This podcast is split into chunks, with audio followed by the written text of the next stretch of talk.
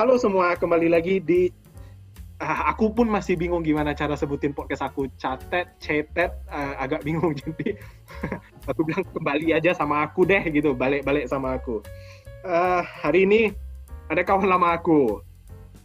Uh, ini orangnya sih kurang lebih uh, sudah menjelajah Eropa lah dulu pas masih mahasiswa. Kalau kita domestik waktu itu dia sudah internasional. Ricky Madewa, halo. Halo, halo. Nggak sampai Eropa sih sebenarnya. Cuma di Eropa, satu negara saja. London kan eh London Inggris ya. Ya Inggris, eh, ya technically Eropa geografiknya Eropa, cuman tetap satu country aja. Ya. Betul betul. Uh, gimana kabar Rick? Aku mau mulai dari sana. Gimana kabar? Baik baik, Kat. Kamu gimana di sana? Nah, di sini luar biasa, panas. Eh, enggak sih, hujan terus sih di sini. Hujan kan, udah mulai hujan kan, sama lah. Ya, dan banjir. Sini banjir parah banget kalau sekali banjir. Oh ya? Ya, sini banjir parah banget. Tempat aku kemarin banjirnya yang paling tinggi 20-30 tahun terakhir. Dan wow. itu dan itu parah banget. Siap apa mbak beli rafting atau apa gitu biar boleh boleh batu sumbang kan boleh oke okay. okay, Ricky aku akan mulai dengan tanya uh, sudah berapa lama ya? Aku semua semua guest aku aku selalu tanya ini nih. Kalau okay, pengalaman okay. aku, seingat aku ya, correct me if I wrong. Hmm. Aku hmm. kenalan sama mu itu gara-gara uh, uh, kenal mungkin, tapi menjadi lebih dekat itu karena punya hmm. hobi yang sama yaitu hobinya main game. Betul. Kita ngomongin laptop waktu itu. Waktu itu kita ngomongin laptop. Nggak tahu kenapa ya, ya. out of the box kita hmm. ketemu. Ya, Dadak ngobrol-ngobrol laptop dan klik ke sana. Dan waktu itu kita ngomongin ya, ya soal game Witcher. Gue masih ingat tuh. Betul, Witcher ya. ya 2015 berarti. Ya. Game Witcher. Uh, game Witcher gue suka banget main game itu tapi aku nggak pernah main yang sequel pertama dan sequel keduanya. Aku cuma main yang ketiga The Wild Hunt. Sangat disayangkan tuh kamu ya, lewat sangat disayangkan kata ya bagus banget sih. Yang ketiga bagus banget. Harusnya aku main yang pertama dan kedua. Singkat aku itu yang membuat aku uh, jadi dekat sama si Ricky ini sejak pertemuan gara-gara main game itu. Itu betul nggak betul, betul lah ya. Betul betul. Betul ya. Nah, ingatanmu tajam lah. Uh, tajam sih enggak sih dan kita memang uh, waktu itu satu kampus jadi hmm. uh, kita juga pernah berkegiatan bareng, so on so on so on. Akhirnya lah kita bisa ketemu dan ditemukan lah karena hobi kita sama oleh game itu. Sekarang lagi di mana, Rick? Sekarang aku di rumah, rumahku di Temanggung, Jawa Tengah. Itu karena ya sekarang work from home. Jadi di company tempat kerja sekarang emang uh, ya benar work from home sih. Sebenarnya company di Jakarta, cuman uh, boleh uh, ke domisi asal kalau emang sehat. Jadi ya emang kayaknya bakal lama jadi boleh diperbolehkan benar-benar dari rumah. Jadi kayak mungkin ada beberapa company yang kalau di Jakarta walaupun work from home tapi tetap harus di Jakarta karena hmm, ya, hmm. apa dengan alasan mungkin biar nggak covidnya cepat apa segala macam. Cuma kalau di company tempat gue kerja itu uh, kebetulan fleksibel dia asalkan emang sehat terus uh, karena ya kita nggak kelihatan mau sampai kapan mm -hmm. makanya boleh benar pulang memangnya company-mu HQ-nya di mana kalau yang sekarang sebenarnya ini agak sedikit gimana ya sedikit uh, membingungkan ngomongnya kayak waktu aku pertama kali work from home itu company-ku HQ-nya yang di Thailand Oke. Okay, Cuman okay. sekarang udah pindah kerjaan dan mm-hmm. posisinya aku masih WFA makanya mm-hmm. jadi ya udah apa namanya uh, juga emang masih menggunakan WFA company yang sekarang SK-nya di Singapura. Cuman dia mau kantor, kalau kalau berkantor tidak WFH kamu harus ke Singapura? Enggak enggak enggak kalau di, di enggak uh, pusatnya benar-benar di SK oh, pusatnya di Singapura. oke okay. ya, okay. kantornya tetap di Jakarta. Oh, kantor di Jakarta ya. Berarti sekarang posisinya ya kantor di Jakarta pun tetap beroperasi sebenarnya Iya, tapi cuman sekarang karena kita udah masa transisi lagi kan PSBB itu, mm-hmm. yang di kantor tuh cuma 25 persen masih Ya, Dan transisi cuma lagi. yang benar-benar mm. ya. Dan yang apa departemen yang esensial, jadi kayak uh, eh, IT, terus operation itu yang masuk ke kantor. Kalau kayak tempatku, uh, divisiku masih belum. Oke, okay, kalau teman-teman sekalian yang dengar podcast nih, kalau udah dengar sekilas, dia udah sebutin departemen IT, departemen yang esensial. Teman-teman udah tahu sebenarnya harusnya. Kalau bisa dibilang Ricky ini tuh sudah mencicipi atau sebelumnya pun pengalaman sebelumnya tepat dia bekerja sebelumnya itu juga dia sudah mencicipi idaman perusahaan idaman semua orang kalau untuk milenial. Dia tuh uh, sekarang dan sekarang mungkin bisa dibilang masih ya uh, tergolong itu ya. Mungkin katakanlah Ricky ini bekerja di perusahaan startup gitu. IT startup betul, mungkin. Betul, startup ya, betul. Betul ya company yang sekarang kalau dibilang startup itu udah nggak startup kayaknya. Kalau company yang pertama, ya kan udah gede. Udah gede. Kalau yang pertama beneran startup itu bener-bener startup, orangnya dikit dan oh gitu ya. Uh, yang kita di Indo itu kita cuman timnya cuma 20 orang, eh 25 nih waktu aku masuk ya. Oke okay, oke okay, oke. Okay. Ya, emang bener-bener startup kita ya. Yang, ah, kalau yang kalau... sekarang sih, mm -hmm. bilang startup itu juga nggak startup karena ya udah besar, ya, ya orang-orang masih ngeliat itu itu startup lah gitu. Betul, karena mungkin bisa dikatakan bisnisnya mungkin nggak nggak lumrah atau bukan bisnis mainstream bisa dibilang gitu untuk sekarang ya. Betul. Untuk sekarang mungkin betul, betul. mungkin di wilayah Jawa sudah dikatakan mainstream untuk beberapa orang karena kan ya. uh, harusnya kenceng. Tapi kalau misalnya kayak di luar Jawa, Kalimantan, Sumatera mungkin itu bukan tipe company yang mainstream yang mainstream. orang akan mungkin pertama kali gitu. Betul, betul, betul. Uh, Oke, okay. menarik. Kita akan bahas banyak soal itu. Cuma for your information, aku harus kasih tahu dulu uh, latar belakangnya Ricky ini. Ricky ini kok nggak salah termasuk angkatan yang dapat double degree dulu ya, pas masih betul. di Yogyakarta. Kira-kira gimana tuh, Rick? Apa itu double degree, Rick? Oke, jadi double degree intinya sebenarnya double dua degree gelar. Oke. Okay. Gelarnya dua. Cuman, penjelasannya mantap sekali. Iya kan, simple, simple, cuma simple, simple sih Iya, benar-benar. Degree itu program dari kampus kita. Kita boleh ngomong kampus kita siapa kan? Jadi uh, kita kampus kita Atma Jaya. kita promosinya baik-baik. Iya kan, iya baik-baik kan. Nah, Jaya itu dia uh, apa namanya? Ini double degree itu pertama kali itu sebenarnya bukan angkatan khusus. Angkatan angkatan pertama ada double degree itu atasku satu, ya 2012. Oke, okay, oke. Okay. 2012 itu udah ada. Mm -hmm. Dan uh, angkatan angkatanku ada itu double degree-nya uh, Atma itu udah kerjasama sama dua universitas, satunya di UK, satunya di Cina. Oke, okay, di Cina. Kebetulan aku hmm. tertariknya yang di UK. Soalnya yang UK itu tiga -hmm. plus satu, Ted. Jadi kayak double degree itu setengah-setengah uh, setengah tahun eh, kayak setengah tahun setengah porsi kamu kuliah itu di kampus satu, okay. porsi setelahnya kamu di kampus yang kedua gitu. Kalau yang di Cina itu oh, nama gitu. programnya two plus two ya. Jadi dua tahun di Atma Jaya, dua tahun di Cina. Oh gitu. Kalau yang tempat hmm. aku itu ya itu namanya three plus one. Jadi tiga tahunnya di Atma Jaya, satu tahunnya di. Oh berarti itu dari sejak awal kamu masuk ke Atma Jaya di Jogja di perguruan tinggi Jogja itu sudah tahu bahwa tahun terakhir akan ke sana. Sebenarnya belum. Itu mulai digodok itu aku tahu tuh tahun kedua setelah aku di Atma baru ada. Oh gitu. Hmm. Ya, jadi kayak sedikit beruntung lah aku dapat kesempatan. Oh, oh ada, ya. ternyata aku daftar bisa, makanya bisa berangkat gitu. Dan sepertinya Sebelumnya. yang lulus di angkatanmu yang double degree kayak cuma berapa orang ya? Cuman aku. Ah, ya singkat aku cuma kamu sendiri. Makanya ya. ini bebekas ya, ini, ini Ricky wah banget waktu itu gitu. Tapi kita nggak bakal banyak ngomong soal itu. Kalau kita mau nanti kita bahas. Kalau teman-teman suka uh, pengen tahu soal double degree itu gimana boleh komen aja atau gimana. Boleh, ajak Ricky lagi. Cuma yang gue pengen ngomong adalah soal pekerjaan dia yang unik mungkin untuk sebagian besar orang. Bekerja di hmm. startup Ricky. Seperti apa sih rasanya Ah, itu kalau orang lihat ya, wah kerja di startup itu kesannya kayak orang pertama kali itu pasti dari penampilan ya, yang jelas okay. kayak eh kuliah bahkan lebih uh, lebih apa ya lebih bebas daripada kuliah. Kuliah kan kita oh, harus ya? pakai background, oh, ya iya? kan. Kalau di startup uh, kamu bisa cuma pakai kaos, jadi oh, gitu. kaos terus ya celananya celana kain, uh, celana jeans boleh, Bahkan oh, kalau company-nya yang fleksibel banget, tempat gue kerja pertama itu fleksibel banget, pakai sweatpants juga boleh. Oh gitu. Oh. Ya, terus kalau company gue yang sekarang itu kayaknya boleh deh sweatpants, cuma sweatpantsnya yang bagus.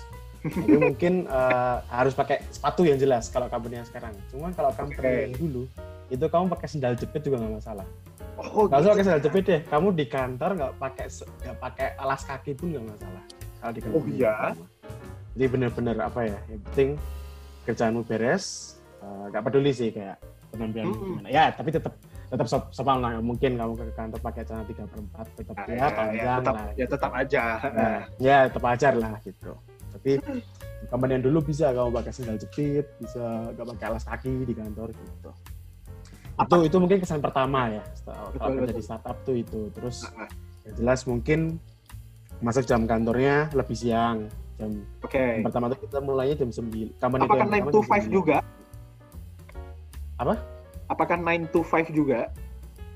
itu sebenarnya kayak 9 to 5 itu cuma bisa ada kita ngomongin di barat ya sih kayak di Indo kan 9 jam kan Iya. Jadi kalau di itu 8 jam ya kayak bisa 9 to 5 kan ini Nah. tetap 9 to 6 jadi tetap 9 jam ya ya 9 to 6 tapi semuanya nanti yang, yang sekarang itu aku startnya setengah 10 pagi selesai jam setengah 7 Heeh. kalau yang perta company yang pertama itu uh, startnya jam 9 selesai jam 6 cuman yang pertama tuh benar-benar fleksibel ya karena mungkin orangnya masih kecil terus kayak uh, kebetulan uh, kita ada kayak apa ya leadnya itu namanya country lead yang lead Indonesia itu orangnya emang orang uh, orang Itali dia jadi kayak dia benar-benar orangnya fleksibel banget uh, asalkan kita Hmm. beres jadi ya nggak masalah jadi kayak misalkan kamu masuk nih masuknya itu jam 10 uh, 10 10 uh, kamu telat lah telat satu jam jadi kamu bisa pulangnya lebih apa bisa di jadi kayak kamu berangkat telat pulangnya juga ikut telat jadi kamu Hmm, masuk jam hmm.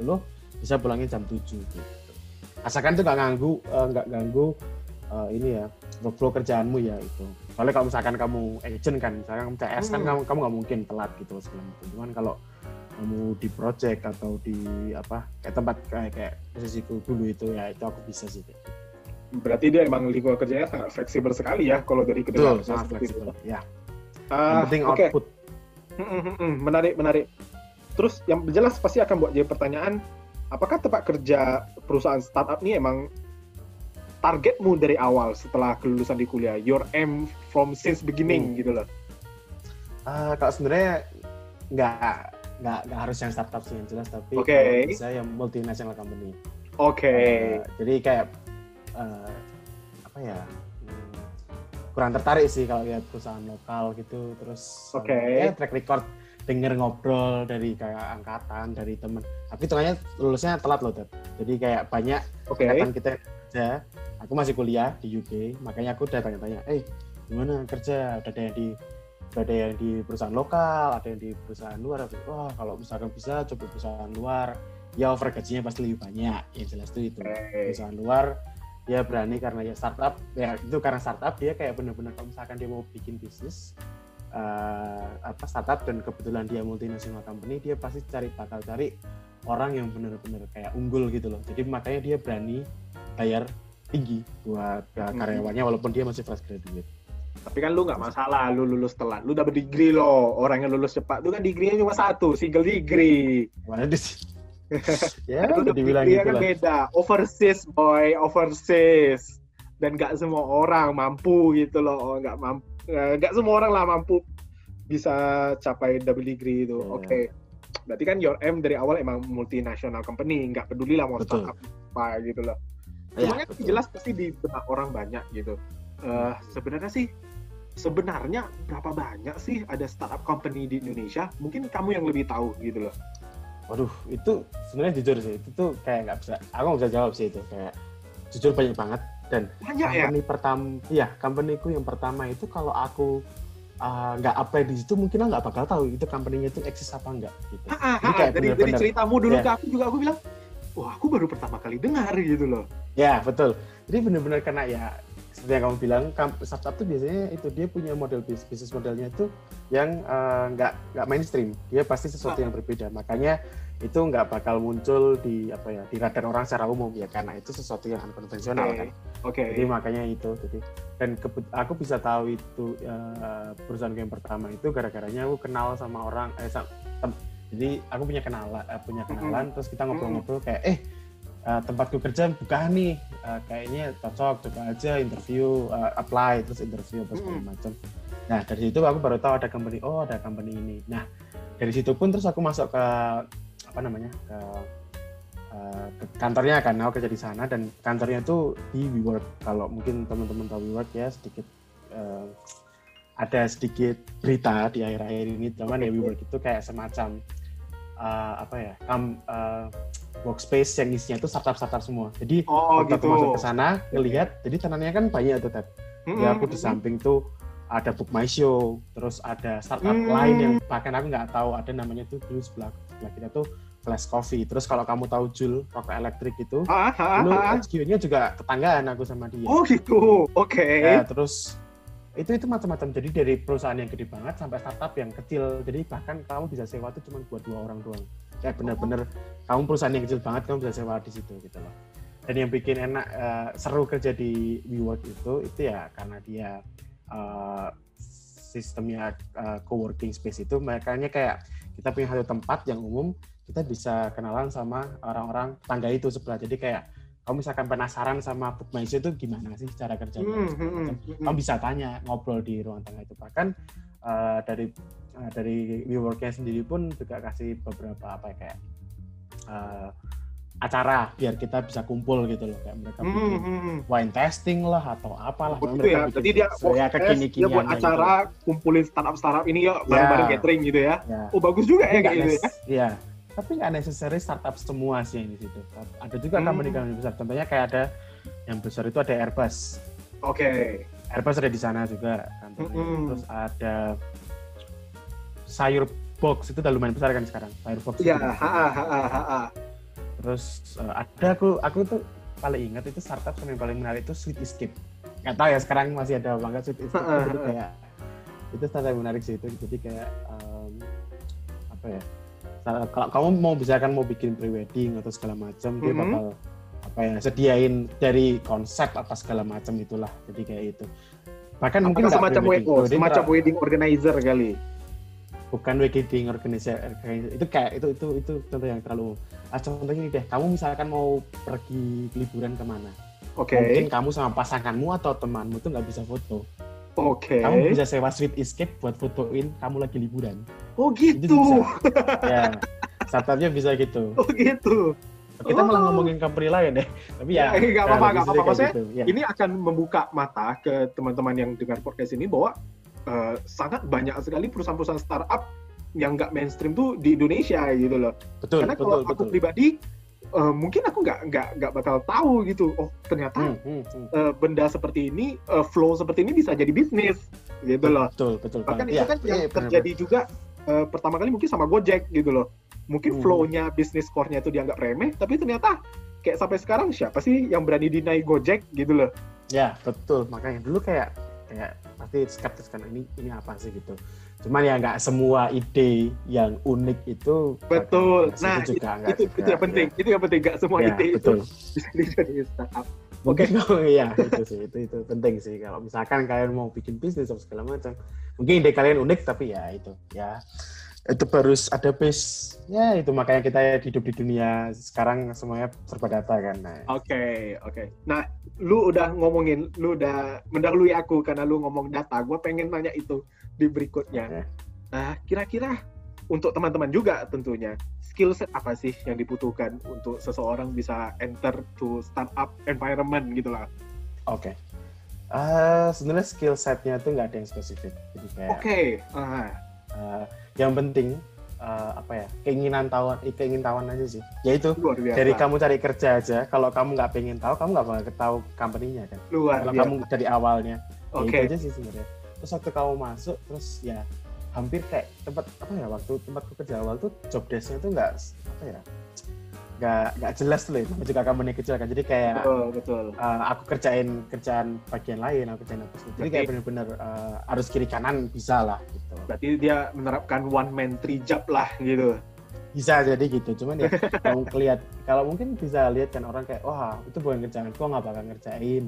Ya ya itu mindset orang sih itu beda-beda. Tapi menurutku kalau aku dapat opportunity kayak gitu aku ngerasa kayak itu kesempatanku buat belajar gitu loh. Karena Oke. ya ya kerja ya emang sih kerja eh, utamanya biar kamu dapat duit biar bisa bertahan hidup kan Betul. Cuman kalau misalkan uh, along the way-nya bisa kamu sambil belajar ya kenapa tidak gitu nah sebenarnya nggak cuman itu juga sih kayak yang penting kalau belajar itu yang penting kamu mau ya intinya itu dari kamu sendiri sih kamu mau itu Mm-mm. dan dari kamu mau aja kamu pasti bisa kok masuk ke dunia startup Oke, berarti intinya ya eh, memang harus dari diri sendiri do your own research lah kalau emang mau masuk Iya, ke startup betul, lah, betul. gitu loh.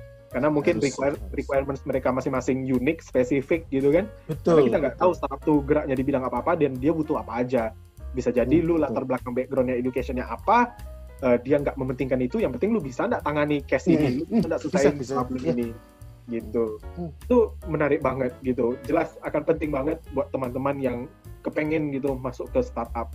Eh, cuma dari tadi kita ngomong soal ah, positif-positifnya.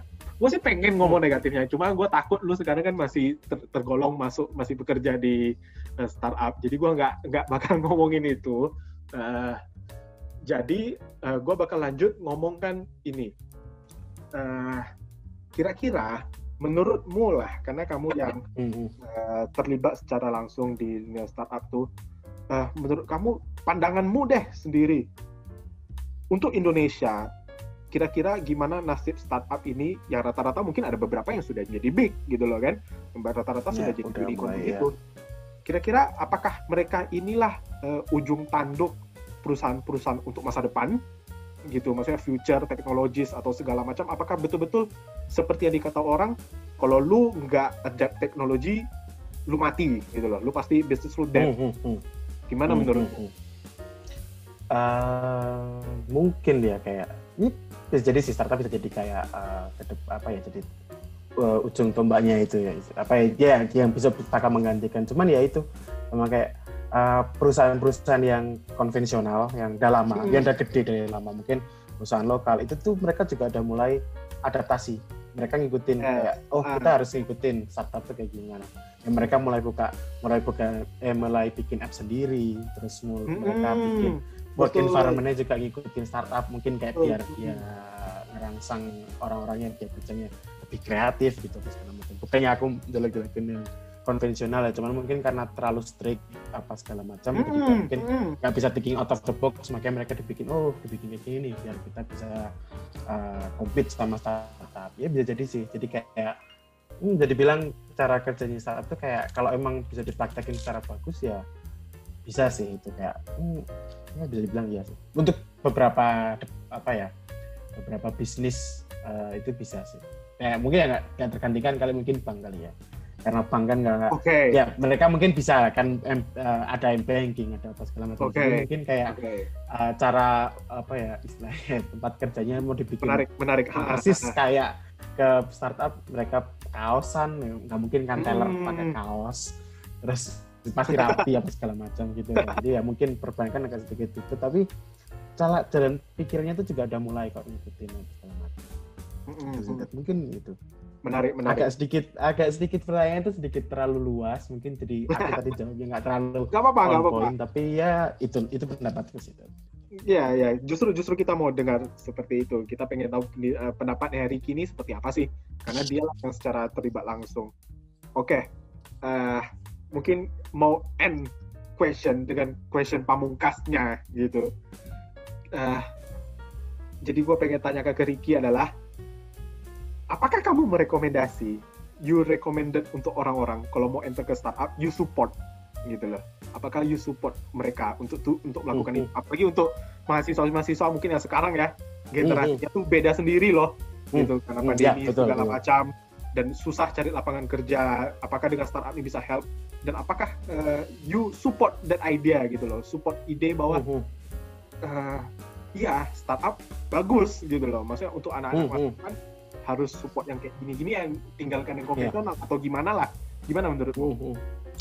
itu dia Ah, ya itu sebenarnya semuanya ada plus minusnya kamu masuk startup terus kamu masuk ke perusahaan ah, corporate yang udah eh, established itu juga ada plus minusnya masing-masing. Oke. jadi kayak kamu ke, eh, ke ke startup itu ya mungkin gajinya bisa lebih banyak daripada yang eh, corporate itu ada plusnya. Cuman yang minusnya yang jelas stabilitasnya itu loh.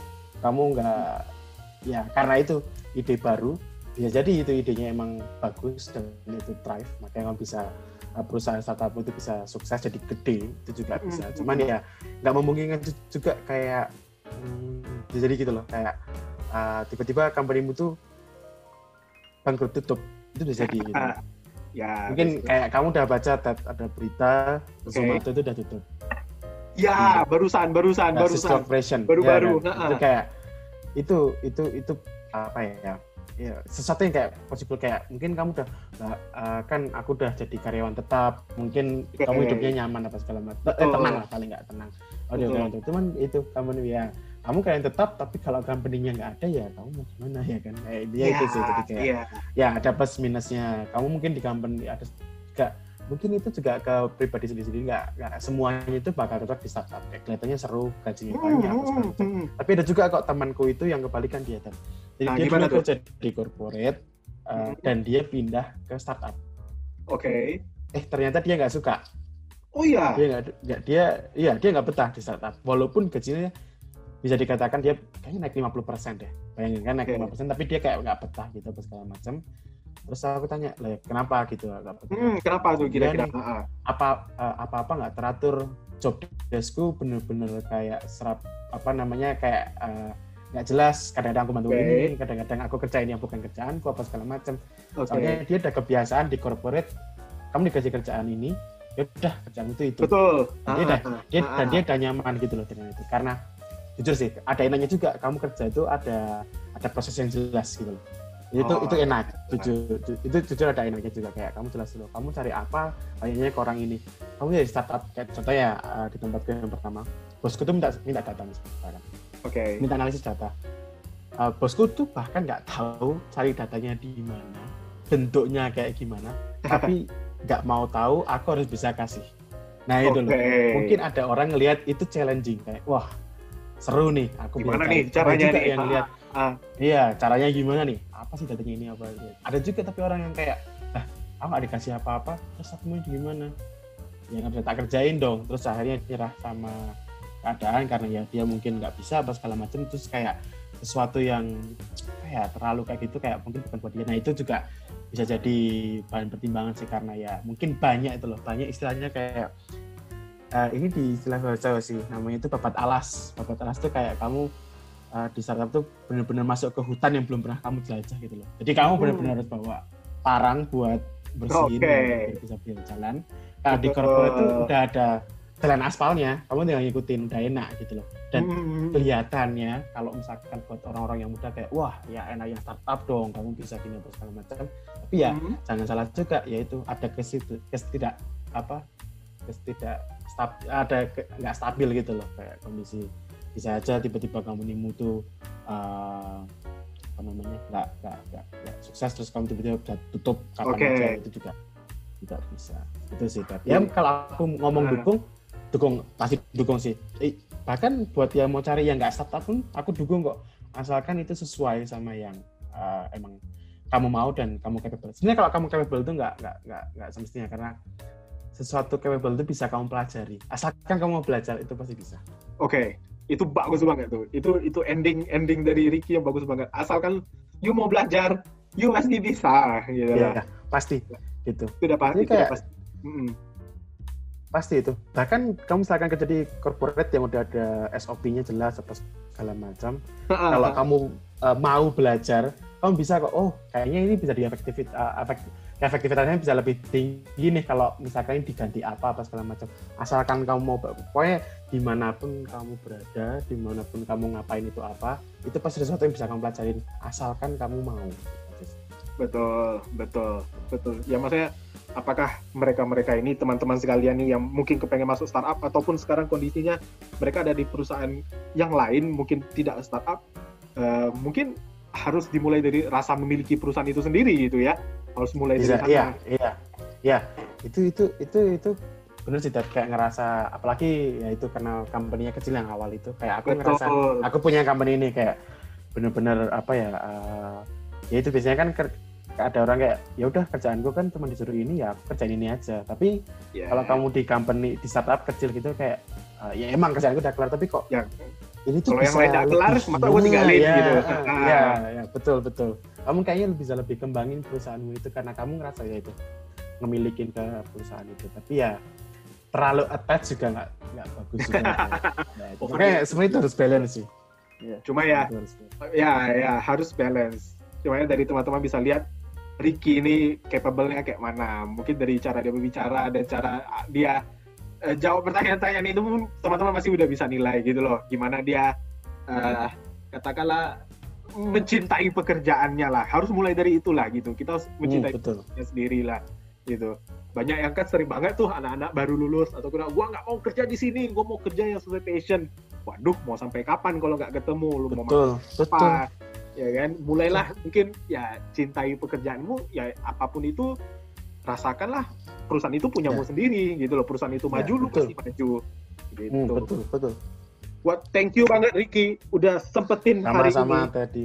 Gua Makasih yakin sama-sama pertemuan berikutnya gue yakin pasti ada eh, pertemuan berikutnya buat ngobrol sama si Ricky mungkin topik lain gitu ya Kita ngomongin Semoga book kali. terus sehat-sehat terus sepanjang pandemi ini WFH Sama-sama Ted, kamu juga sehat-sehat di sana.